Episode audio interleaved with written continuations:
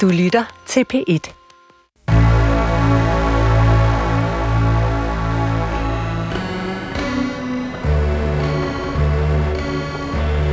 Du har ringet til Hemmeligheder på P1. Tak for din hemmelighed. Vi lover at passe godt på den.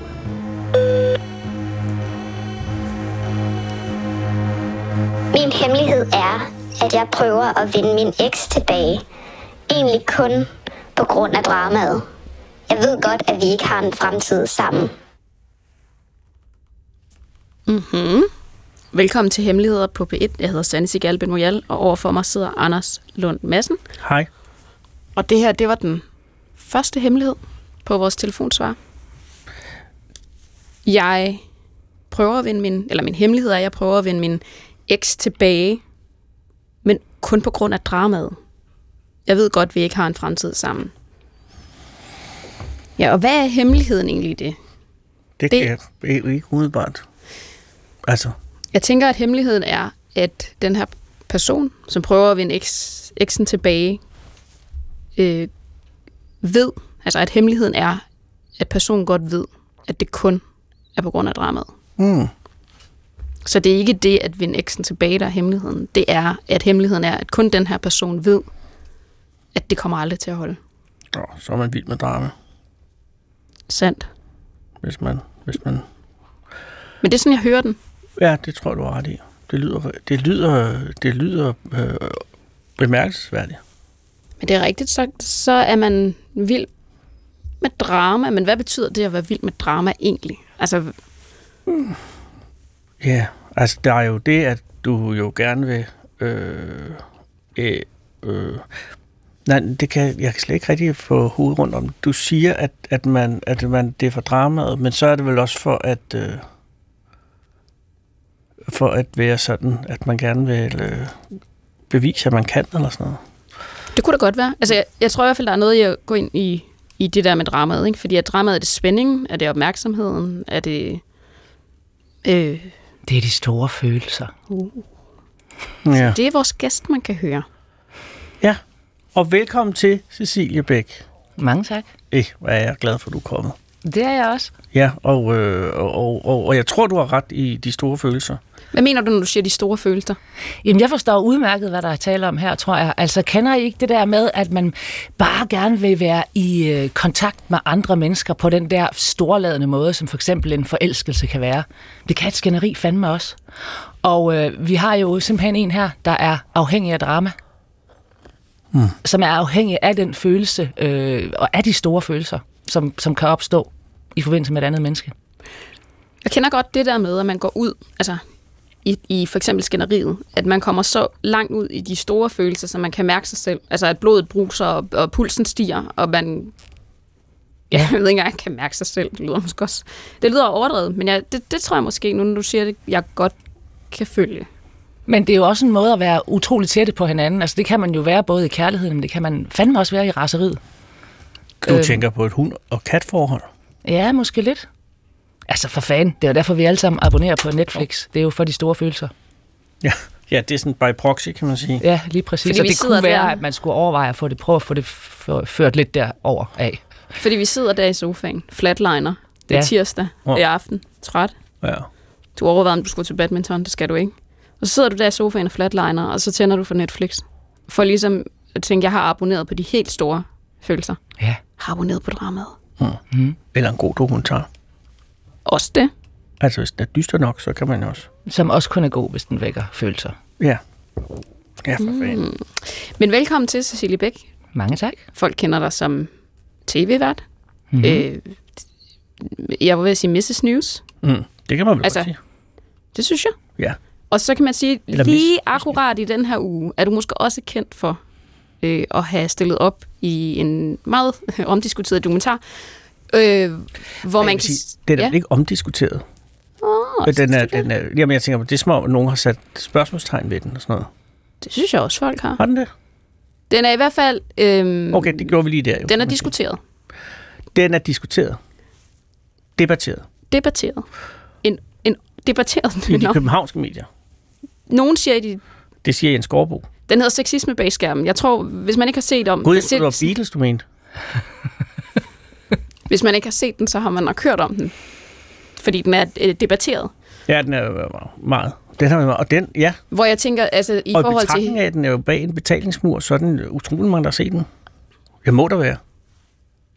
Man har i hvert fald hørt om den. Ja. Og grunden til, at jeg synes, det er interessant i den her sammenhæng, er jo, at øh, det, som kommer frem i dokumentaren, har jo været sådan nogle, øh, jeg kan man ikke sige offentligt kendte hemmeligheder. Altså nogle hemmeligheder, hvor man, dem har andre måske hørt igennem flere år, men hvor, hvor mange flere kvinder stiller sig frem ligesom, og, og fortæller dem øh, nu ikke bare sådan offentligt i mediebranchen, men sådan offentligt, offentligt, offentligt. Ja. Altså noget, som har været hemmeligt. Og du er en af dem. Ja. Men jeg tror altså egentlig, at det har været lige så øh, hemmeligt for os selv, hvordan det store billede så ud. Fordi man kan sige, at alle de her små historier, hvor mange af dem har været offentligt kendt, I har garanteret også hørt flere af dem. Det var først, da de ligesom blev samlet øh, i de store puslespil i den her dokumentar, at det, sådan, at det store billede stod klart. Mm. Egentlig for os alle sammen, tror jeg. Ja, fordi at jeg tænker, hvis man har været og haft sin gang på kvægtorvet, har man så haft mulighed for at have det uden at have vidst, hvad der foregik. Fordi jeg var for eksempel ansat på Ekstrabladet i 90'erne i syv år. Og der foregik alt muligt, jeg fandt aldrig ud af. Altså, selvom jeg kom, jamen jeg var den sidste, der fik alle rygterne at vide. Jeg var den sidste, øh, altså totalt øh, mangel. Altså, der var hele det der Klaas Kastholm var chefredaktør, og han, altså, det, og- der foregik de mest vilde ting. Øh, og han endte med at skide inde på mit kontor. Jeg skulle lige tage, altså ikke der, engang jeg det fandt- var der nogen, der fortalte dig. Nå, det, der var jeg, jo, jo, fordi der var jeg lige holdt op, og så, så, øh, så var det så mit gamle kontor, han besørgede 11 steder på, og det, øh, der fandt jeg ud af, hvor, hvad der foregik lidt, ikke? Men, men så meget skulle der til, ikke? Men der må jeg sige, jeg læste en gang noget meget interessant, øh, som en øh, psykolog, en, en arbejdspsykolog sagde, mm. eller en psykolog i arbejdsmiljø, eller sådan et eller andet, at øh, hvis du er en af dem, der aldrig bliver prikket på skulderen på dit arbejde, og nogen fortæller dig noget slag eller en hemmelighed, Mm. så skal du tænke lidt over din position. Er det, er det en dårlig eller en god ting? Jeg læste det som om, at man måske skulle overveje, om man var sådan helt integreret på sin arbejdsplads. Jamen, det kan sagtens være det jo. Fordi så hvis man ikke er med på sladeren, Ja. så er man øh, udenfor i det hele taget. Det giver jo god mening. så har man nok en særlig position. Og, og til, hvis du er tilbage til spørgsmålet om, om man kunne gå Ja. rundt på kvægtøjet dengang, ikke at vide det, det, det kan man, har man sikkert godt kunne, men så har man saftsus med haft en særlig øh, position, vil jeg Ja. sige. Nå, men jeg forstår altså, når, øh, hvad hedder han, øh, Michael Dyrby forklarer det med, at han var ikke klar over, at, øh, at det var sådan. Så, så, så, er det, så skal han være exceptionel ude af synk med, med sin arbejdsplads. Altså jeg vil sige, på en eller anden måde, sådan det, det samlede billede, mm. er jo på en eller anden måde, står først klart for mange af os nu. Og Ja. det vil jeg egentlig også godt sige, man godt kan sidde i ledelsen og sige, wow, det samlede billede har jeg ikke set på den her måde. Nej. Men man kan ikke sidde i ledelsen og sige, jeg har ikke hørt nogen af de her historier. Okay. Det, det kan man sgu ikke. Nej. Nej. Var der noget, der var øh, overraskende for dig? Altså var der hemmeligheder, nu siger jeg hemmeligheder, men i citationstegn, du ikke havde hørt? Der er nogle ting, jeg først har hørt for nylig, øh, men, øh, men det er egentlig sådan mere altså det samlede billede, øh, hvor man kan se mekanismerne, mm. øh, og hvor man sådan kan se den samlede dynamik. Det var mere det, der egentlig også kom bag på mig. Se, det er det, der er interessant, når man afslører hemmeligheder sådan øh, øh, kollektivt. Mm. Det er jo sjældent, men det gør man jo i dokumentarer. Det er Ja. ja. rigtigt. Så er det som om, altså, at fremstår det her, som du også kaldte det, puslespil og tråde, som sådan forgrener sig, og så kan man se et helt andet billede, ikke? Mm. hvor folk har gået rundt med hemmeligheder øh, separat, sådan nogle bitte små satellitter. Så lige pludselig så bliver det hele sat sammen. Mm. Og så sker der jo noget, når hemmeligheder bliver sat sammen på den her måde. Ja, ja, det må man formode, at der nu sker noget jo. I hvert fald har det skabt en dokumentar, som i den grad giver øh, stof til eftertanke. Ja, for filen. Så kollektive hemmeligheder, fordi det er det jo. Altså jeg ved godt, at det har jo været hemmeligheder, som man har gået rundt med selv, men de har jo været en del af et større billede. Jamen, hele nationer kan have- have fælles hemmeligheder. Ja. Og det er jo det, som dokumentaren også snakker om, det der med, hvorfor sagde vi ikke mere til hinanden? Altså fordi hvis nogle af de hemmeligheder havde, hvis jeg havde fundet dig over ved kaffeautomaten, Cecilia, jeg havde sagt til dig, altså så kunne du have delt din hemmelighed, og jeg kunne have delt min, og den kunne være blevet en fælles hemmelighed. Mm. Det er jo interessant. Men det er jo også, fordi man ikke særlig tit deler hemmeligheder. Ja. Fordi det også er, det har store omkostninger. Fordi at når man har hemmeligheder, har det som regel noget med en eller anden form for skam. Enten ens egen eller nogen andres, man, øh, man prøver at hjælpe med at dække over. Ja. Og det er vel også grund til, at hende her, eller ham, eller det person her, med generobrelsen for dramaets skyld øh, holder det hemmeligt, fordi det også er lidt skamfuldt. Fuldt. Jamen det er det jo, fordi hvis man sagde det, hvis man sagde, jeg til en veninde eller en kollega, jeg, jeg, jeg går egentlig og prøver at vinde min ekskæreste tilbage. Nå, er du, hvad, savner du ham? Nej, egentlig ikke. Men jeg er afhængig af at skændes. Ja, nå, men ja. Ja, men det vil være dejligt, men det vil også være ja, meget blottende. Jeg tror, det vil være, der vil være få, der vil sige, det kan jeg godt genkende. Men jeg tror, der vil være nogen, som siger, åh, det er jo de store følelser, du mangler. Mm. Ja. Der er noget, der er et tomrum, Se du noget mangler. Netflix. Du skal gå hjem, og så skal du købe abonnement til alle Eller, eller set øh, do- dokumentaren om TV2. Det er, Det er også store en måde, ja, følelser. der er mange følelser der, ja. Sandt. Ja. Så måske er der en løsning. Øhm, velkommen til i hvert fald. Tak. Lad os øh, tage en... Og vi skal heller ikke nævne, eller vi skal ikke undlade at nævne, at du har jo en hemmelighed med. Det har jeg. Og, og jeg vil sige, Du sjældent tøver. har jeg været mere spændt. Hun tøver? Hørte du sådan? Nej, hun, det trak, hun trak jeg har valgt en hemmelighed, som jeg og flere gange undervejs har fortrudt, men samtidig har jeg så sådan, nu har jeg valgt, nu det så stå ved den, fordi hvis man skal være med i det her program og sidde og høre andre menneskers Ja. hemmeligheder, så bliver man også nødt til at give noget selv. Så det har jeg valgt at gøre, men det kan godt være, at der er nogle mennesker, der får svært ved at se 19-nyhederne fremover. Uh, Der er før og et efter. det er der altid. Men det lyder som en pinlig hemmelighed. Det er det også. Eller måske bare pikant. Pikant også, ja. Ja. Vi får se. Men det, ved du hvad, under alle omstændigheder, den er i gode hænder. Lige om lidt, der er den i alles hænder. Det er ja. Og du kan jo altid bare gå ud og sige, at, at din hemmelighed er, at du øh, ikke engang kommer for sent på arbejde. Så er det. Jamen, det har jeg besluttet mig for, det, det vil jeg ikke. Nej, men det respekterer vi meget. Men jeg kan altid sige bagefter udsendelsen, at det bare var noget, jeg fandt på. Ja, det havde vi jo en, der sagde. er det rigtigt? Jamen, men han sagde, at han ville have sagt en anden hemmelighed. Sandt. Og, øh, Sandt. og den hemmelighed, han Og ville det have var også en saftig bøf. jamen, det kan vi jo godt sige, fordi den jo ikke var rigtig, viste det sig. Ikke? Vi kan heller ikke sige, hvem Vi det kan i var, hvert fald sige, vi kan ikke Han- sige, hvem det var, men vi kan sige, at det handlede om dyresex. Han, havde, han sagde, at han havde knippet en hund. Det var lige, lige præcis det ordvalg, han havde. Og det synes vi jo nok var noget af en saftig bøf. Men så viste sig, at det var bare noget, han fundet på. Sagde han. Hvilket, ja, som han sagde. Men øh, gode nyheder for hunden, ikke? Hvis den hund eksisterer, det ved Sagde jeg han. ikke. Lad jeg bare sige, sagde han. Jamen, jeg ved det. Lad os tage en dyb indånding, og så tage den øh, anden hemmelighed. Hej. Min hemmelighed er, at, øh, at jeg ikke har nogen at holde jul med. Igen i år har jeg lyst til at sige, de andre år har jeg fundet en løsning, hvor jeg har spurgt mine veninder, øh, eller jeg har været frivillig. Og i år er jeg ikke blevet spurgt af mine veninder eller venner. Øh, jeg har ikke mulighed for at være frivillig, fordi at jeg er syg for tiden. Øhm,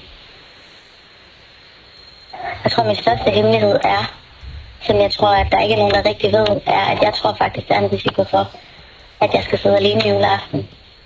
Øhm, fordi jeg har ikke kontakt til min familie sådan rigtigt.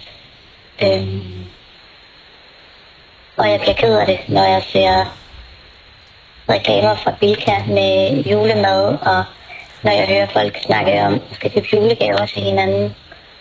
Øhm, jeg kan tage mig selv i at føle, at at mange af dem, der er i mit netværk, ikke er egoistiske, fordi de lukker sig om deres egen familie.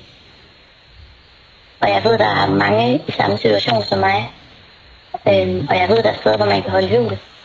Men jeg er bange for, at jeg simpelthen vil blive for ked af det over at være sådan et sted. Så min hemmelighed er måske også, at jeg skammer mig rigtig meget over det. Og jeg synes, det beviser, hvor alene jeg er.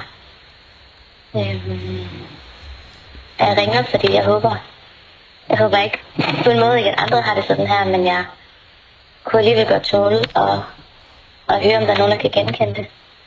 Så øh, ja, tak for jer. Og jeg vil rigtig gerne at jeg skal på stemmen. Hej hej. Se, det er en sæsonhemmelighed på en måde. Altså, ja. det er jo, når højtiderne nærmer sig, at man får kataloger ind, som der bliver sagt i hemmeligheden. Altså, at katalogerne vælter ind for Bilka og reklamerne og lysene, og busserne kører rundt med...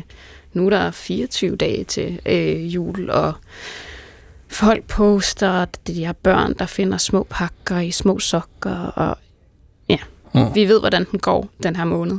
Og den går hurtigt. Alle synes, den går hurtigt, og folk snakker om, hvor hurtigt den går. Og nu, for nogle mennesker går den langsomt.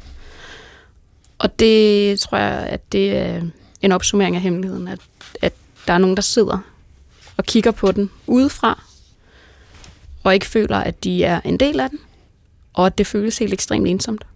Og den som har ringet ind, siger jo også det der med, at, at, øhm, at den der egoisme, altså det der med at lukke sig selv om sin egen familie, og ligesom indkapsle julen sådan, så at man næsten ikke kan trænge ind, er ekstra hårdt. Og så synes jeg, det er en ret fin og meget hjerteskærende afs- afslutning med det der med, at hun håber ikke, der er nogen, der kan genkende det. Men kunne jeg måske alligevel godt tænke sig at vide, om der var. Og det tror jeg, jeg kan lægge hovedet på bloggen og sige, det, det ved jeg, der, er, der sidder derude. Hvis nogen kender det, så synes jeg faktisk, at de skal ringe ind til det her program på 28 54 4000. For jeg kunne godt tænke mig, at øh, den her person, der har skrevet ind, kommer til at sidde alene med den her følelse. Så hvis du kender det der, og har en hemmelighed, en julehemmelighed, noget, der gør ondt, noget, der føles ensom, så ring ind på 28 54 4000. Du kan også bare sms'e. Hmm. Alene jul. Jamen, jeg får sgu lyst til at give en opsang. Og jeg må også hellere gøre det nu, fordi jeg mister muligvis øh, store dele af min autoritet i slutningen af det her program. Øhm, så øh, de der såkaldte venner og veninder, altså prøv her her, undskyld mig alle sammen. Julen handler om at dele. Julen handler om at hjælpe og, og alle igennem den her kolde og mørke og onde tid. Og hvis der findes nogen i din omgangskreds, som er i fare for at sidde alene juleaften, så ringer du fandme og inviterer dem. Der kan altid klemmes en stol mere ind ved et hvert bord. Så det holder simpelthen ikke at lukke øjnene og tænke, at det må nogle andre tage sig af. Er der en i din omgangskreds, som du frygter, eller tror, eller har hørt om, måske skal sidde alene juleaften, så har du sgu en pligt til at rykke på det. Punktum. Men Kan du godt genkende det der billede af, at, at man sidder der som familie, ikke? og så, så skubber man lige den der ekstra stol ind, at åh, det er besværligt, eller... Det... Men det er det ikke. Det ender altid med at blive hyggeligt. Og hvis ikke det gør, så kan man også lære noget af det. Og der går i øvrigt også lære dine børn, hvor vigtigt det er at række ud og fagne og alt muligt andet. Ja. Jeg, er faktisk bare Jeg ved godt, det er meget heldigt, men altså... Ja. Nej, men det er også, der, der kan være en god udfordring øh, i at have en. Hvis det nu er, øh, at nogen sidder vel alene, fordi at de ikke gider. Øh, men dem, der gerne vil, men ikke kan, øh, det kan også være, fordi de simpelthen er irriterende at være sammen med. Og der kan jo være en udfordring i at have sådan en gæst øh, til jul. Det synes jeg kunne være en god, en, en god juleudfordring. Det er en gave til din egen rummelighed. Ja, og have sådan en, som måske er lidt gnaven, lidt introvert og lidt øh, op ad bakkeagtig. Det, det, er, det er en god ting til jul. Altså, jeg, altså, ja, altså sådan en eller anden gammel, sur en, der sidder hen i hjørnet og, og siger, den and var ikke, den var for stegt. Den var tør. Eller, den var tør. Altså, det er jo også, og så når man har kørt ham hjem eller et eller andet, så kan man snakke, åh, oh, jøsses, der er han egentlig taget hjem. Men, men så har man jo også øh, gjort noget, en god gerning øh, ved, at, ved at lade ham sidde der og sige, at anden er tør. Så det, det synes jeg er en rigtig god udfordring. Men det kan godt lige... Altså, det er jo rart. Nu skal vi have det rart. Nu er det jul. Og så kan man da også sidde han der. Men altså, jeg tror fandme, at øh, i det store hele, så kommer man tættere på, på himmeri.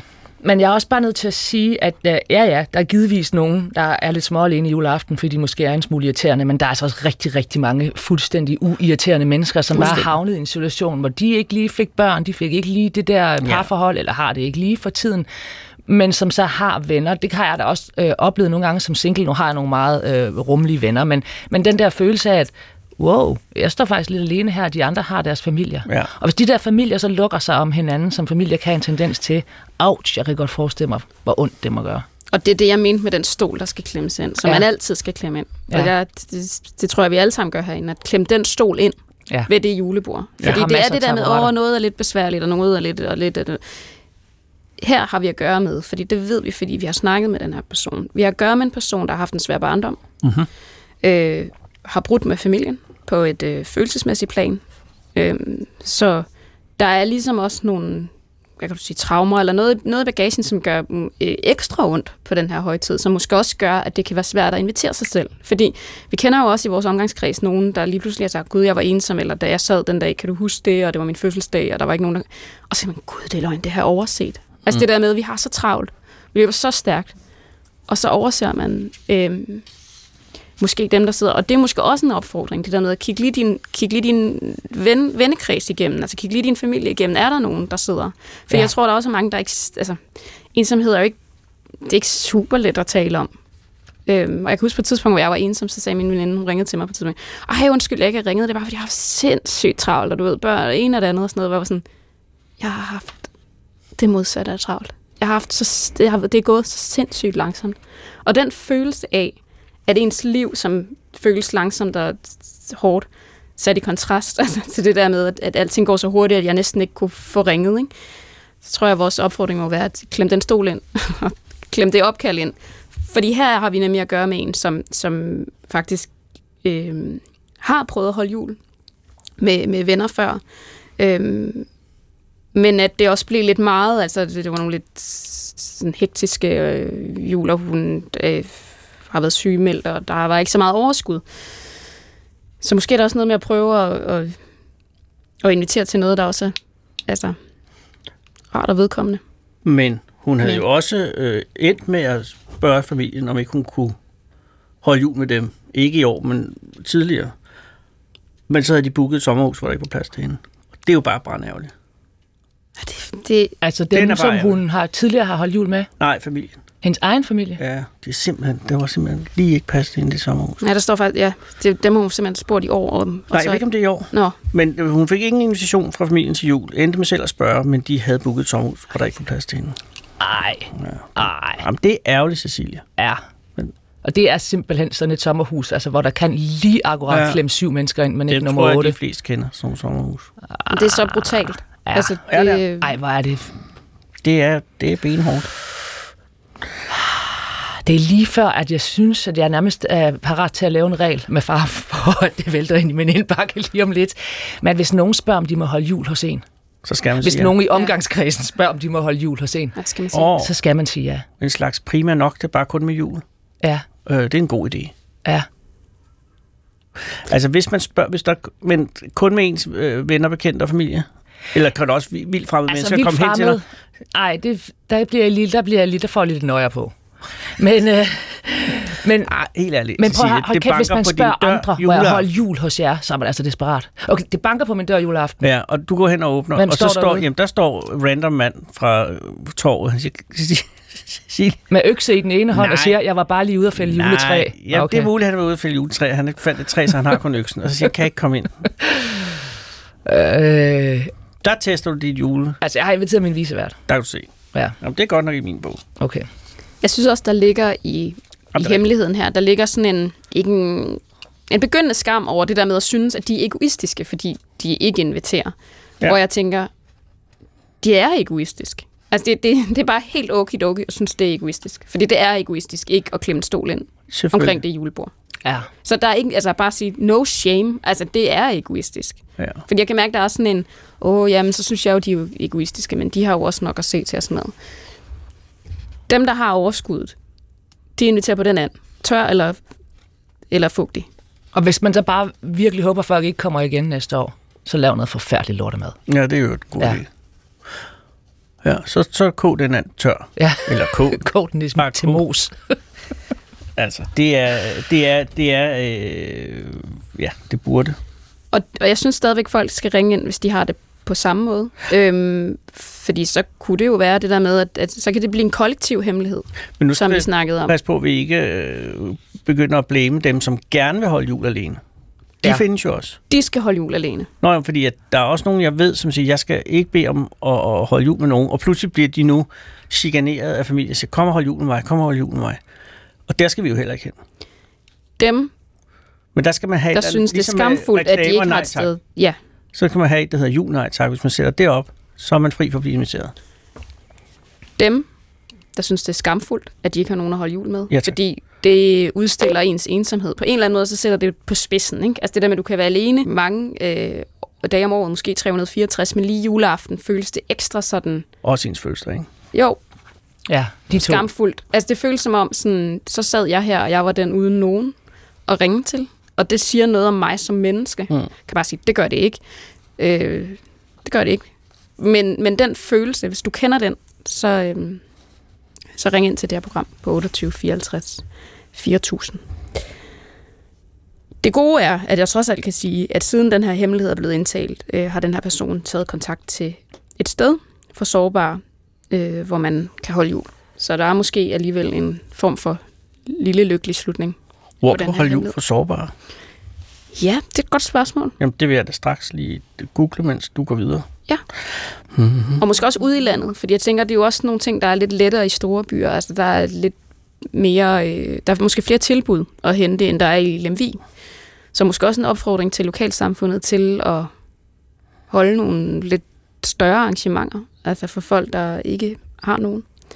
Og det man også kunne gøre, hvis man sidder og er ensom juleaften, det var jo at prøve at gå ud via de sociale medier og finde nogle andre, der også var der, så prøve at simpelthen arrangere noget for andre ensomme. Jeg ved, der findes Facebook-grupper, hvor man prøver at finde ja. øh, hinanden. Ja.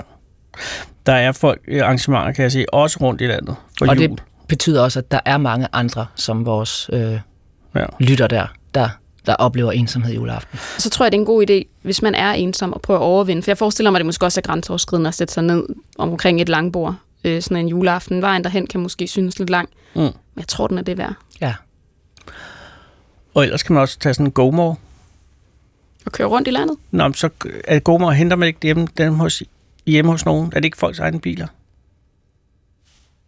Ah, det ved vi ikke nok om. Nej. Den Jeg, nu forestiller jeg mig bare, at der ikke kører rundt i Danmark Nej, hele juleaften. bare, Det kunne man tager- også. Ja, men det bliver måske også meget ensomt. Det er også dyrt. Jeg tænker, hvis du nu, der er sådan en eller anden tjeneste, hvor man leger hinandens biler ud, ligesom med øh, det der øh, med hus, ikke? Øh, hvis man så lejer en bil hos en juleaften, så kommer man jo hjem fra at hente den. Og så vil det typisk jo være, at de siger, vil du ikke lige ind og have? Kom der ind og få et stykke. Et glas gløk Et glas, nej, ja, nej. at køre på. Altså jeg har engang, øh, jeg tror det er seks år siden, brugte jeg juleaften på at, at, at lede efter øh, folk, der sad alene juleaften. Fordi at jeg havde sådan en idé om, at, øh, at hvis jeg bare bankede på alle dørene i højhusene over i Sovnfri, det er sådan tre store højhus med to opgange og 14 etager, så der var nok at tage af, så ville der være en eller anden, øh, som vil sige, kom indenfor, og så kunne øh, vi have en samtale. Det var til fjernsynet. Det blev aldrig sådan noget, fordi der var sgu ikke nogen. Der lukkede den? ind. Altså, der var jo langt, langt de fleste, vi havde der fra 6 til 8 om aftenen, eller 6 til 9, det er der, man ligesom spiser. Det var det vindue, vi havde. Ikke? Og De fleste var jo så i gang med at spise, og ikke spor ensom eller noget. Men så de få, jeg tror, der var tre, øh, som åbnede, var helt, hvor det var åbenlyst, at de ikke var sammen med nogen. Øh, de ville ikke have os indenfor. Fordi at det var jo så også øh, noget, de ikke havde lyst til at, at dele med andre, hvilket var meget nedslående. Og så var der en mand, som vi mødte flere gange, som gik rundt i de her opgange øh, hele aften alene. Og ham talte vi så med. Han havde så øh, nogle psykiske udfordringer, som gjorde, at han havde det svært med andre mennesker. Men det vil bare sige, at de findes derude, men de er ikke så, de ligger ikke i, altså det er ikke, det er heldigvis ikke så mange, men det gør dem jo endnu mere tragiske, og det var enormt nedslående, at, øh, at de var så ensomme, at de heller ikke har lyst til at tale med, med os. Det kan også være, at de bare sådan, altså, gå væk. Agtigt. Men det er, en, øh, det er en trist aften. Ikke at dele med nogen. For mange mennesker, tror jeg. Men det kommer aldrig i fjernsynet, fordi de vil ikke være med. Så tak, fordi du ringede ind og delte den her hemmelighed. Det tænker jeg ikke har været let, men øhm, måske kan der sidde nogle andre derude, som kan få gavn af den her ret fine beskrivelse af, hvordan det føles at være alene til jul. Lad os lige tage en hemmelighed mere. Min hemmelighed øh, er egentlig ikke min, men jeg holder på den øh, alligevel. Min venindes forældre havde for et par år siden en kæmpe krise i deres ægteskab. Og det sled enormt meget på hele familien, og jeg stod ligesom med sådan på sidelinjen og lyttede og støttede. Og midt i det hele, der møder jeg så øh, tilfældigvis ægtemanden i et indkøbscenter, sådan cirka 30 km fra vores øh, fælles hjemby. Jeg hilser kort på ham, da vi passerer hinanden, og øh, opdager så først bagefter, at kvinden, han var sammen med og holdt i hånden, absolut ikke var hans øh, hustru. Og jeg har ikke talt med ægtemanden om det, ej eller min veninde, da jeg ikke synes, at det er mit bord. Nu vil skæbnen så bare, at hustruen er blevet pædagog på mit barns stue i øh, børnehaven, og at der inden for nær fremtid vil komme større sammenkomster øh, i min venindes familie, som jeg med al sandsynlighed vil blive inviteret med til.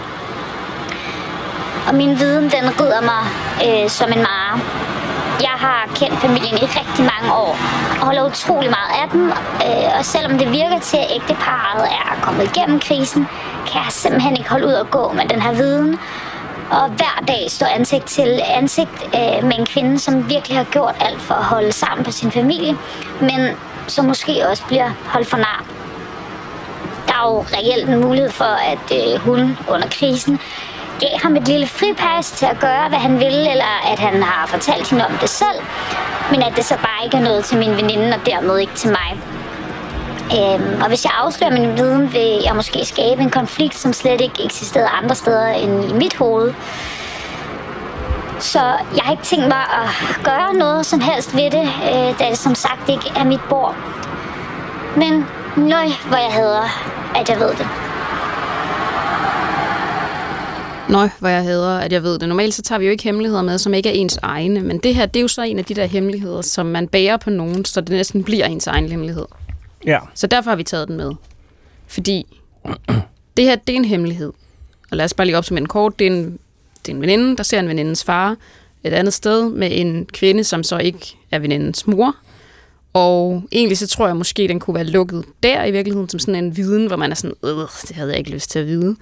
Men nu er venindens mor altså startet øh, som pædagog det sted, hold tungen lige i munden, hvor at, øh, den her, øh, der er ringet ind, øh, barn går. Så nu er det en, hun bliver konfronteret med øh, mere eller mindre dagligt, og derfor så synes hemmeligheden øh, mere præsent, og derfor også mere irriterende at bære rundt på, eller sådan belastende at bære rundt på, fordi ja.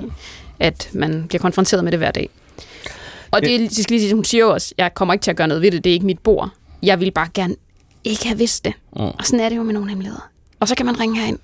For så kan man lige lægge dem her. Ja. Og så kan man måske håbe, de fylder lidt mindre. Ja. Fordi vi kan jo ikke, vi kan ikke løse det her. Det er fuldstændig uløseligt. Det er, ja, det er noget rod. Måske Fordi, er det noget råd. Og måske er det nemlig ikke. Ja, det er noget rod for, for ringeren. Ja. Ja. Det kan lære en, at hvis man skal gå i, hånd i hånd med nogen, så skal det ikke være i nærheden. Nej, det kan man ikke engang. Nej, problemet er, er her, det, det, der, der er ikke rigtig noget at lære. Er nej, nej, nej, det tror jeg ikke. Nej, det var, jeg prøvede at være positiv. Men det forstår jeg. Du tænkte, der er en konstruktiv vej ud af det her, men ja, det er der ikke der, rigtigt. Er jeg tror, det eneste konstruktive vej er, ring lige herind, ja. aflever den lige, ja, ja. og så parker den et sted. Øh, det må også hjælpe at sige det. Jeg tror, det hjælper at sige det. Ja, ja. ja. For det, det har hun jo næppe kunne sige til nogen. Ej, og det er mere det. Det er mere det der med at skulle gå alene med det. Og ja. jeg, men jeg vil sige, det er fint, at man kunne læse af på den her telefonsvare. Mm. Så må du læse den af på en mere. En eller anden ven. En ven og veninde, du, du, øh, du stoler rigtig meget på. Og så heller ikke til andre. Og, og det skal ikke være veninde med forældreparet her. øhm, og så glemme den for evigt, ikke? Ja, det bliver du nødt til, fordi det, det er viden, som du har, som gør tingene problematisk ud fra, fra dit eget syn på parforhold og tilværelsen. Men der er ingen, der aner, om det her det er et problem for forældrene. Det kan muligvis blive et problem for veninden, hvis hun får at vide, at forældrene har lavet en parforholdskonstruktion, hvor det her ikke er et problem. Og alt det der skal man bare ikke, øh, den pind skal man ikke stikke ind i det vepsebog. Og det siger hun jo også. Hun siger ja. sådan, det, I know, det her det er min ting. Øh, det kan jo også være, at veninden ved det, og bare ikke har sagt det. Altså, det, det, det, det kan jo også sagtens være. Ja. Og tænk, det, det med mine forældres parforhold rager ikke nogen andre. Jeg ved det ikke. Det kommer også an på, hvor tæt man er, og hvad man deler. Men det siger hun også. Hun siger, jeg kommer ikke til at, jeg kommer ikke til at bruge den her information. Det kan man jo heller ikke. Hvad skal man bruge den til? Så det er noget med at prøve at smide ting væk. Men hvordan smider man ting væk, som man ikke har lyst til at bære rundt på? Hvor hvilken ja. skraldespand, altså hvor Jamen, kategoriserer man? Hvilken skraldespand smider man det i?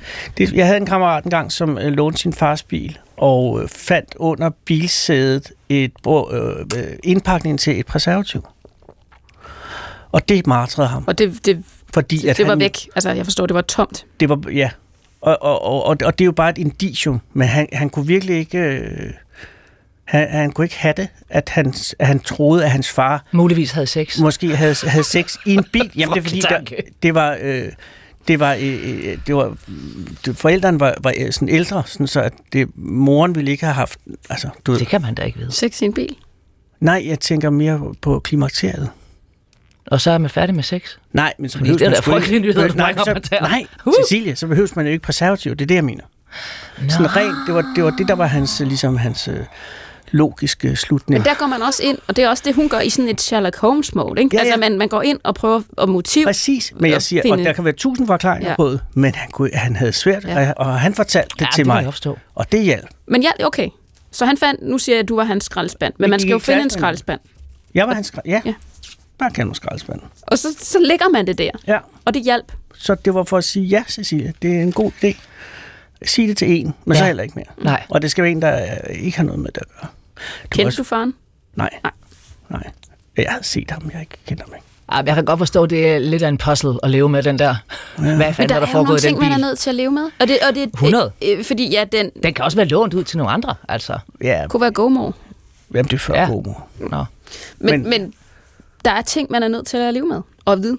Ja. Så Den man, kan også have klæbet fast under en sko, og så være faldet af inde i præcis. bilen. Og jeg, det, ja, men det er rigtigt. Men problemet er det der, ikke? Fordi nu begynder Jo, jo, jo. vi at gå i... Altså, det er det der med at gå i detektiv. Mm. Ja, Øh, det knæver.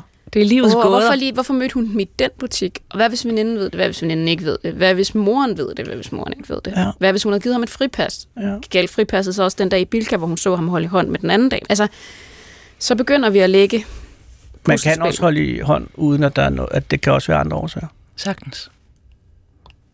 Hvis det er en, der er blind, for eksempel. Mm-hmm. også det. Ja. Øh, men så tror jeg, man igen, så var hun, lignede hun en, der var blind? Var hun blind? Var, han, var det en væve? Jamen, det kan også være, at de har sådan Altså. en, en, Det er to kolleger, de har, jeg skal prøve, jeg har det her, jeg er virkelig bange for at gå i storcenter, jeg er bange for andre mennesker. Jeg holder Jeg tager dig i hånden. hånden. En god kollega. Bare for at sige, kender du det her, hvor du har set noget, du gerne ikke ville have set, så må man faktisk godt ringe ind. Det skal helst være din hemmelighed, altså det skal martre dig. Det siger hun jo også. Det rider mig som en mare. Ja. Det skal martre dig, det skal ride dig som en mare. Men hvis du bærer rundt på en andens hemmelighed på den måde her, hvor det nærmest bliver din hemmelighed, så ring ind til det her program på 28 54 4000. Vi skal høre en hemmelighed, og så skal vi faktisk have den hemmelighed øh, igennem. Lad os lige høre den først. Hej, øhm, ja, jeg er stadig logget ind på øh, min ekskærestes fars TV2 Play, Netflix, og så er jeg også stadig med i deres Spotify familiekonto. Og Jeg har ingen planer om at fortælle det til nogen, for at øh, det er alt for sent. Og lige sige, det her det er altså meget almindeligt for det første. Det er meget, meget almindeligt at være logget ind på folks øh, tjenester. Mm. Meget almindeligt. Mm. Og derfor elsker jeg den her hemmelighed. Fordi den er, den er universel næsten, vil ja. jeg sige. Gud i himlen, hvor er jeg logget ind på mange forskellige menneskers login. Så velkommen til. Mange tak. Men Ja. du siger TV2, øh, og hej, øh, du siger TV2, Netflix og Spotify. Nej, men jeg ved ikke, der er også, øh, der er også et eller andet Paramount. Øh, jeg ved ikke helt, hvad det er. Men der er et par... Ja, sådan noget, der er Ja, også jo. YouTube Music. Yes, yes. De har også mange tjenester, lad mig bare sige det sådan. Ja, ja, det, og det løber op. Der er mange gode abonnementer. Jamen, det er det, det, det er derfor, jeg tænker, at det kan betale sig for mig. Ja. Men, men udover at det selvfølgelig, øh, øh, kan man sige, er abonnementsmisbrug, øh, som går ud over den hårdt trængte mediebranche, øh, som nok overlever alligevel. Hvad, hvad er så problemet i det, synes du selv? Det synes jeg da bare ikke rigtigt, der er, men, men på en eller anden måde, så har jeg fornemmelsen af, at jeg ikke skal sige det. Jeg skal i hvert fald ikke gå og drøsle om det, hvis det er, fordi jeg gerne vil beholde den. Det er helt sikkert. Men det vil jeg så sige, du er jo hemmeligt logget ind på de her øh, forskellige tjenester. Og Det, altså, det, det ved hun jo godt, fordi jeg har jo fået lov en gang. ja, det var nu, hvor lang tid Øhm. siden er det, I er gået fra hinanden? Øh, snart et år, tror jeg. Ja. ja. Ja, ja, ja, ja. Men, men er det ikke sådan, øh, at får man ikke, altså man kan gå ind og se, hvem er logget på. Øh, så hvis de, øh, det er også lidt deres ansvar, vil jeg sige. Altså de kunne ret Ja, nemt smide dig af, hvis det var. Altså du Jamen, kan det gå er ind, også det, hvis, hvis det sker en dag, hvilket jeg regner med, så, altså, så er jeg villig til at lægge mig fladt ned og spille dum, eller hvad man siger. ja. Men Inden vi går ind i, i tjenestes øh, forbruget, fordi jeg tænker, du kan jo også se det, de ser. Må jeg så spørge, og så kan du bare sige nej. Var, var det et godt brud? Altså, hvordan, hvordan var brudet? Men Det var mig, der gik. Øhm, ja, jeg kunne ikke, øh, jeg kunne ikke det forhold, vi havde til hinanden. Øhm, og så øh, så vi hinanden lidt efter, og så nu har jeg så trukket stikket fuldstændig. Og vil ikke rigtig have noget kontakt længere overhovedet. Altså, det var ligesom, Øhm. det var dit valg at gå, kan man sige. Ja, præcis. Så derfor er det været lidt ekstra øh, lusket på en eller anden måde, og jeg så ikke helt vil gå fuldstændig. Men, men prøv at høre, altså udover at du kan, kan bruge alle de her tjenester øh, gratis, så er jeg altså er nødt til at fastholde, den, den er altså moralsk set ikke helt Nå, er den ikke det? Nej, det er den ikke. Det må du ikke. Et familieabonnement gælder en familie. Det, det, en ekskæreste er ikke inkluderet i storfamilien her. Øh, men udover det, det ja, lad, lad det hvile, så altså, kan du så sidde og holde øje med, hvad de har kørende i hot rotation på deres playlister, og, og hvad de ellers øh, ser på de her tjenester. Fordi så er vi jo også lidt inde og rode i noget privatlivets fred. Nå, Men faktisk det. ikke i, øh, ikke i Spotify, men jeg kan se på TV2 Play, kan jeg se, hvad de ser. Hvad ser de? Kan du se, hvad hvem ser? Nej, det kan jeg ikke. Øhm, det kan jeg, hvis jeg går ind på Netflix. Der er der ligesom sådan forskellige kontorer, men det, det har jeg ikke gjort. Der har jeg bare valgt, øh, valgt min eks, og så bare gået derind og set. Men der har jeg også dømt lidt, hvad det er, hun har set. Hvad, hvad, hvad, hvad ser hun? Hvad ser de? Sådan X on the beach og sådan noget. Øh, og det ja, bare sådan nogle, du ved, lidt dumme ting, føler jeg. Eller, jeg, jeg ved ikke hvorfor, men jeg kan mærke på mig selv, at jeg bruger det som en undskyldning til at, til at rationalisere min valg. Men har du ikke, kan du, der på Netflix, der kan man da se de forskellige profiler. Der må du da optræde øh, hjemme hos hende så også, når hun logger ind. Derfor han bruger hendes profil. Ja, men det ved jeg, det, er, det sker jo nok, men det, der er ikke nogen af dem, der siger en skid. Så sådan, Det er Jeg ved interessant. Der er, fordi jeg Ja. har sådan et Netflix-abonnement, hvor jeg ikke helt har overblik over, hvem der egentlig har adgang til det. Og der er en af dem, som er inde og ændrer de der billeder nogle gange. Og så er jeg blevet en hund og sådan noget, og det ser jeg lidt som chikane. Men jeg, jeg tør jo heller ikke rigtig konfrontere, hvem er det, der gør det. Jamen, prøv, vi er også nødt til lige at vende den rundt. Altså, vil jeg have lyst til, at min ekskæreste sad og fulgte med i, hvad jeg sidder og skamglor på? Er det fordi, der også er det, der er hedder ikke, er guilty ikke fordi, jeg er i pleasures? tvivl om, det er okay eller ej. Det ved jeg jo godt, det ikke er. Okay. Og, øh, det er også derfor, jeg ikke siger det til nogen. Og det er derfor, For det er en hemmelighed jo. Nå ja, Ja, og jeg Ja. glemte lige, at vi skal, slet, vi skal faktisk slet ikke vurdere Nej. det her. Det, men det er en super fed hemmelighed. Det er Ja, fordi det, super det, fed det, hemmelighed. det, det er jo for, netop Men meget altså, smukt, at du ikke, ringer Jeg har ikke så meget skam. Ja, altså, jeg har ikke så meget skam, at jeg ikke vil, vil stoppe med det. Eller, øh, altså, Præcis. Og, Ja. og, øh, og du har også en strategi til, når du bliver opdaget. Så egentlig er det jo bare øh, at, at læne sig tilbage og nyde turen, indtil den stopper. ja, ja, bare vide, øh, os se, hvor langt hun kører. Men du, altså, du ser jo, det, det er jo noget med 3, 4, 500 kroner om måneden, du sparer i øjeblikket. Men det er jo ikke sikkert, at du tager Ja, Paramount selv. Eller nej, TV2. men altså, det er jo, jeg vil aldrig selv have de tjenester, hvis ikke det var, fordi jeg fik den gratis. Jeg, Nej, det er jo jeg er ikke så gammel. det. Så, Cecilie, du sige, ikke så mange penge vi, endnu. vi går ikke glip af nogen penge alligevel. Men det, det, jeg synes er smukt, det er, at du tør at ringe herind, og du faktisk også... Øh, fordi det er jo en hemmelighed. Ja. Altså, Mm. og, og lad mig være ærlig, øh, øh, øh, du, du kører bare... Du kører bare på. Ja. Øh, fordi det skal vi ikke vurdere. Men du sagde lige, der var lige sådan en der fli af, at, at der var noget med, at du stadigvæk kan se, hvad det er, hun ser. Mm. Og du faktisk bliver bekræftet mm. i, måske er det meget godt, vi ikke er sammen. Er det rigtigt hørt? Uh, ja, og det er jo også gået meget i pap. Og Ja, det, ja. altså, nu siger jeg ja, fordi min stemme er sløret og sådan noget. Men hvis du spurgte mig rigtigt, så ville jeg nok sige nej. Men nu siger jeg ja. fordi det er lidt rigtigt. Ja, Ja. Jamen, det er jo det gode ved det her og det er også en hemmelighed. Jamen, det er det. Jeg elsker den her hemmelighed, og ved hvad, det her det er jo meget mere udbredt, end man tror. Altså, hvem, hvem hopper frivilligt af de her abonnementer, fordi man er gået fra sin ekskæreste? Men kender du ikke også det der med, at når du ser en ekskæreste gøre noget, som du egentlig synes... Hvis du nu, lad os sige, du synes, det er ekstra, det er sgu for dumt med tv. Kender du ikke det der med, at man tænker, at det er rart at blive bekræftet oh. i, og sige sådan, ved du hvad, det var måske meget godt, det ikke er dig og mig. Altså, det, det, det kender jeg. 100 procent. Ja, ikke? Der er ikke noget federe, end hvis ens ekskæreste bliver klippet sygt grimt, køber en super nederen jakke, eller gør et eller andet totalt kikset. Fordi så ved man, jeg er på den rette sti. Yes. Det her, det, det, digitalt, digitalt kan du se, vi var ikke et match. De digitale gener matcher simpelthen ikke. Nå. Men Men det, altså, altså, jeg synes, det er okay, hvis man lige ser et afsnit eller to, men når det er sådan sæson, jeg ved ikke, fem eller sådan noget, altså sådan, så bliver det også bare, du ved, så er der også rigtig meget tid at bruge på det, synes jeg. men det er jo måske også fordi, at hun savner dig. Ja, Altså, så er det, jo- det er jo Det er et X som tema. Ja, øh, Og X on the beach er jo, er jo ekskærester, ikke? Så måske er det, det er hendes medicin for at komme videre. Og så vil jeg Ja. også nødt til at sige, altså når først man er faldet ind i de der programmer, det er altså et misbrug, som det kan være svært at komme ud af. Altså har I nogensinde prøvet at se Airport? Fem minutter, og så er resten af dagen jo gået Jeg med det. elsker jer på. Ja, ikke også? Ja. Se, der kan være, der er en ekskæreste derude, der sidder på Cecilies streamingtjeneste og tænker, gud i himlen, hvor det godt, vi er ikke længere sammen. Alt det er fucking Airport. Hvad skal hun bruge det til? Det er spild af tid.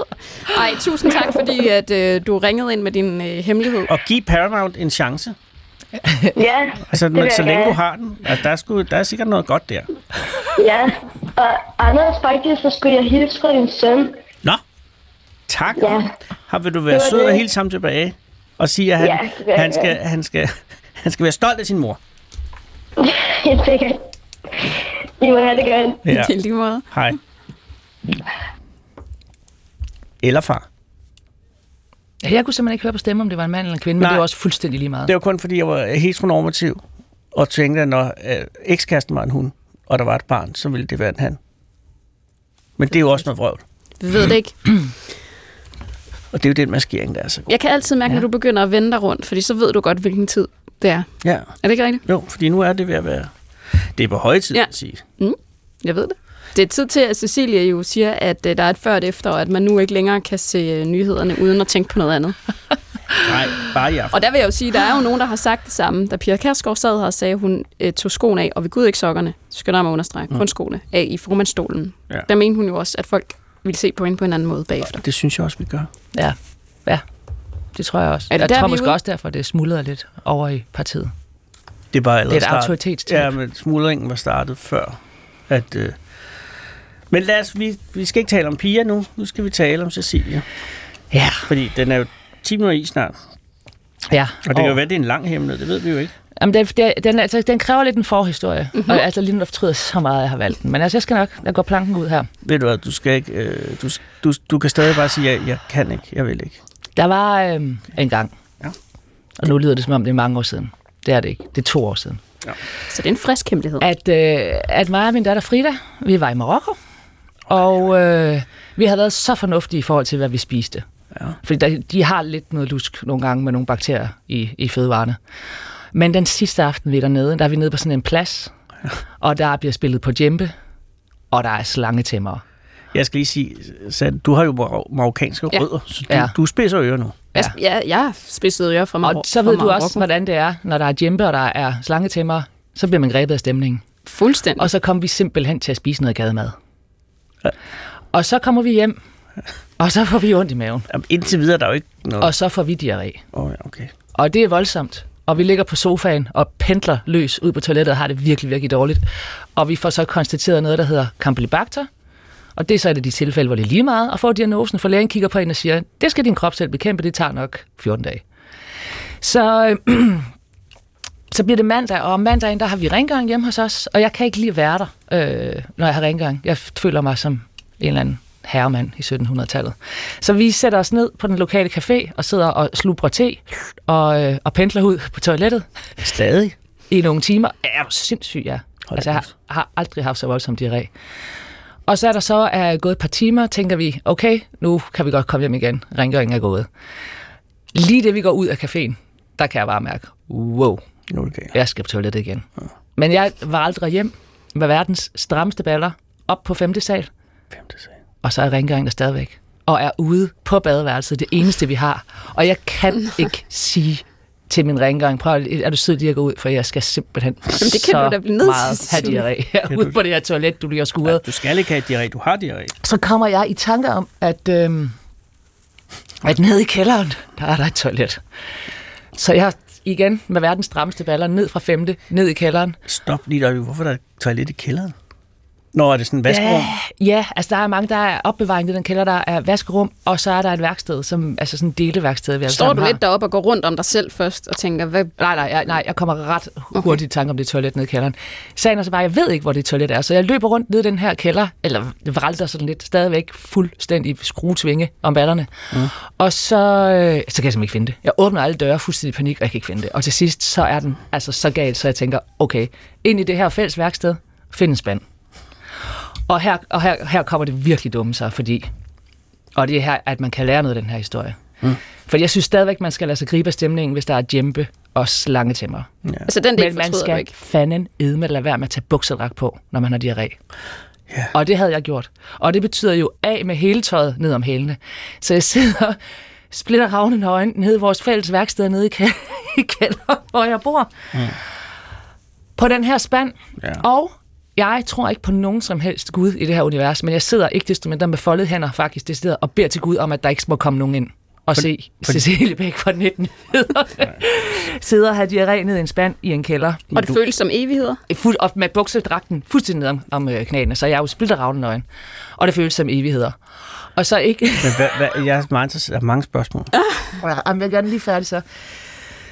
Så opdager jeg, så da jeg er færdig, at jeg ligesom jeg ikke har tænkt over noget at tørre mig med, men så får jeg øje på sådan en virkelig ulækker kakkelud, der ligger på en reol, så jeg må vrikke mig derover og tørre mig med den her helt vildt ulækre kakkelud. Mm. Og så øh, må jeg jo så smide både spand og karklud ud, og undskyld Svendsen for fanden, visevært, hvis du har undret dig over, hvordan spand blev af. Kluden har du måske nok ikke undret dig så meget over. Øhm, Altså ham, du har inviteret til jul engang. Faktisk, ja. Jeg har inviteret ham til den her jul, det er derfor. Det er min dårlige samvittighed. Til den her jul. Så han kom, nu er så har I en icebreaker. Men øh, øh, øh, øh, der, er- der er spørgsmål. ja, der. Nå, Der er simpelthen opfølgende spørgsmål. Ja, men øh, jeg, jeg ved, du besvarede lige to af dem, fordi hvad gjorde du af det, og, Jeg- jeg- og hvordan øh, tørrede du dig? Det har jeg øh, fået besvaret. Nej, hvad gjorde du af det? Ja, nej, smid den ud, det er sådan set altså godt. det var så tyndt, så jeg kunne hælde det ud i sådan en udslagsvask øh, og skylle efter. oh, Og, og så smed jeg spand og klud ud i, det, i de store skraldespand. Ja. Og hvad, hvad var spanden beregnet til? Det ved jeg faktisk ikke. Var den brugt? Ja, det var den. Kunne du sidde på den? Eller, nej, nej, nej, nej, jeg holdt mig svævende. ja. Ja. Ja, Fordi der er jo hele rekylspørgsmålet. Nå, men det er jo derfor, at man, Jamen, det er selvfølgelig rigtigt nok. altså, det på de der britiske toiletter, i hvert fald de ældre, der havde man nærmest en display, Ja. øh, øh, før den røg ned i vandet. Som jo er så dumt. Ja, det er, en- det er godt, de gik væk fra det. Ja, Men det er jo lidt den, du har simuleret med en spand, så. ja, ja det er rigtigt. Men øh, Altså, Jesus, og hvor er Frida i alt det her? Hun Jamen, jeg skriver faktisk til Frida. jeg tekster faktisk op til Frida, som ligger i min seng og venter på, at rengøringen skal gå, skriver at simpelthen lige skidt i en spand øh, nede i Svendsens værksted, hvorefter hun skriver tilbage, jeg er lige ved at skide bukserne i grin i din seng. det gjorde hun så dog ikke. Ej, det, er, alt- det er meget for noget djempe, ikke? Da du sidder der, Ja, det- altså, ja, og, det, ja. og jeg forstår, du har, det var godt. Det var godt, da du spiste. Ja, det var det. Nå. Ja. Da du så sidder der, med, for jeg ved, buksdragten, den er, den er svær. Ja. Så sidder man der, og det tager evigheder. Ja. Hvad tror du, du ville have gjort, hvis nogen altså, var kommet ind? Det er et godt spørgsmål. Havde du en anden form for... Der var ingen plan B. Nej. Nej, Jeg, jeg tror måske, jeg bare havde skrevet gå ud. Ja. det havde også været skræmmende. Finde Cecilie Bæk fra 19-nyhederne dernede, der bare sidder på en spand og bare råber! Jamen, der, det havde været det eneste rigtige. Oh, ja, det tror jeg altså. Det her tror jeg. foregår ikke. Gå din vej. Og så prøver jeg at reparere med en flaske portvin til alle hele opgangen bagefter. Altså, det Men kan bor faktisk der godt være, jeg stadig. bliver nødt til det alligevel. Nej, men nu kommer Svendsen jo. Svendsen kommer til jul. Ja, ja. Og han har jo måske hørt det her i radioen, så, og så har I jo en, en god halv time der Så- til Icebreaker. 100 procent. Ja, så har vi noget at snakke Der om. må have lugtet også nede i den kælder. Hvad, før eller efter Cecilie har været der? Det kan jeg love jer for, der Efter. gjorde. Det kan jeg love jer for, der gjorde. Men det er jo enormt vigtigt at, at, at, at, at kunne tale om de her ting. Ja, det er fordi, der er noget med, med, med lort, er- der er svært at tale om, fordi det er ulækkert. Ja, Ja, det er. det er bare. Det er ikke? svært at sige noget pænt om, om afføring. Ja. Fordi det, det er jo bare ulækkert. Men alle har det jo. Afføring. Det er rigtigt. Og jeg har jo set det mest håndfaste bevis for det u- er jo øh, et besøg til øh, Skorsby Sund op i Østgrønland, hvor de ikke har noget kloak, øh, fordi det er klipper, og fordi det er fattigt. Så der øh, besøger de i sådan nogle tunge, sorte PVC-sække, som så bliver øh, fjernet af, af to mænd hver mandag og onsdag. Øh, og så kører det ud på Dumpen, som er en, øh, en, sådan en, en lang bakke ned mod øh, havet. Og der ligger nu, fordi det har de gjort siden en gang i 80'erne, så der ligger et par hundredtusinder af disse uforgængelige PVC-sække med, med, med lort i. Øh, og, og, og de bliver bundet til, så der, er naturen kan ikke komme til at gå sin gang. Så de ligger der bare. Og det er virkelig at se det, hvad, hvad sådan 500 mennesker kan, kan skabe i, hvis, øh, hvis Det man... er det sindssygste museum, jeg nogensinde har hørt Ja. om. Og, det, og dronningen har jo været der. Øh, Er det rigtigt? Ja, flere gange. Så et eller andet sted ligger også hendes øh, pose, om jeg så må sige. Lortemuseet i Skorsby. Mm. Og det er... Øh, det er og, og der, der er man nødt til at sige, alle gør det. Ja. Og, og, øh, og det er simpelthen ikke lækkert. Men ikke alle gør det. Nej. Nede i kælderen, nede i Svendsens kælder. Altså, øh, husk lov dig for det. Og jeg håber ikke, det spreder sig. Men det var en force majeure situation. Har du fortrudt, du har fortalt det? Nej, jeg synes, det gør dig mere menneskelig. Er det rigtigt? Ja. Mm. Nej, altså, jeg, jeg, jeg ved, altså Og vi ved- Google ved- glemmer jo aldrig, men det gør den menneskelige hjerne. Ja, og så er der også det der med, at øh, nu kan vi se, at, at, at øh, hvad hedder det, studieværter også besørger. Ja. Det er rigtigt nok. Cecilia er faktisk en af dem, hvor man tænker, gud, er hun menneske? Men det er hun. Ja.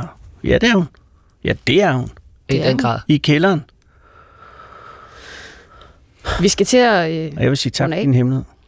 Det var så lidt, og så igen, altså jeg synes faktisk, den vigtigste lærer, lad være med at tage buksedragt på, når man har diarré. Ja, og det er, ja. Ja. jamen, det er da også, hvorfor gør du det? I skal på café, der må det også have været et Det problem. er fordi, det, det er et stykke tøj, man behøver kun at tage stilling til det, og den er sådan nem at have på og rar.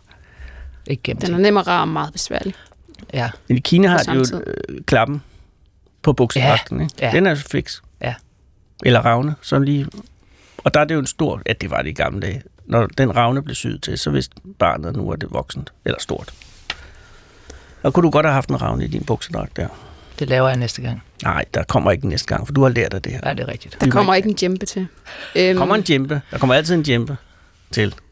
Og en sang til mig. Ja, men det er frækt, og man kan blive grebet af stemningen. Øh, Cecilia, tusind tak, fordi du ville være med. Tak. Jamen, det var en Oprigtigt. fornøjelse. Var, det- var, det, var det også lidt sjovt? Jeg synes, det var kæmpe sjovt. Jeg synes, den der julehistorie gør meget indtryk, men, øh, men ellers så synes jeg faktisk, vi har haft det rigtig sjovt. Ja. Ja, og lad det være en opfordring her til sidst. Øh, husk at tage jer af alle til jul. Alle dem, du møder på din vej. Ja. Og måske især dem, der står der nærmest. Og øh, du kan ringe ind på vores telefon hele døgnet rundt. Den er altid åben, altid opladt på 28 54 4000. Lad det være vores hemmelighed. Tak for nu.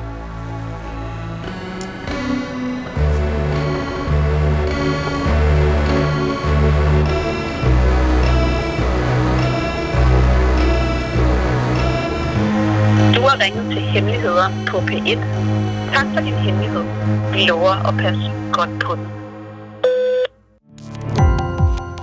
Gå på opdagelse i alle DR's podcast og radioprogrammer. I appen DR Lyd.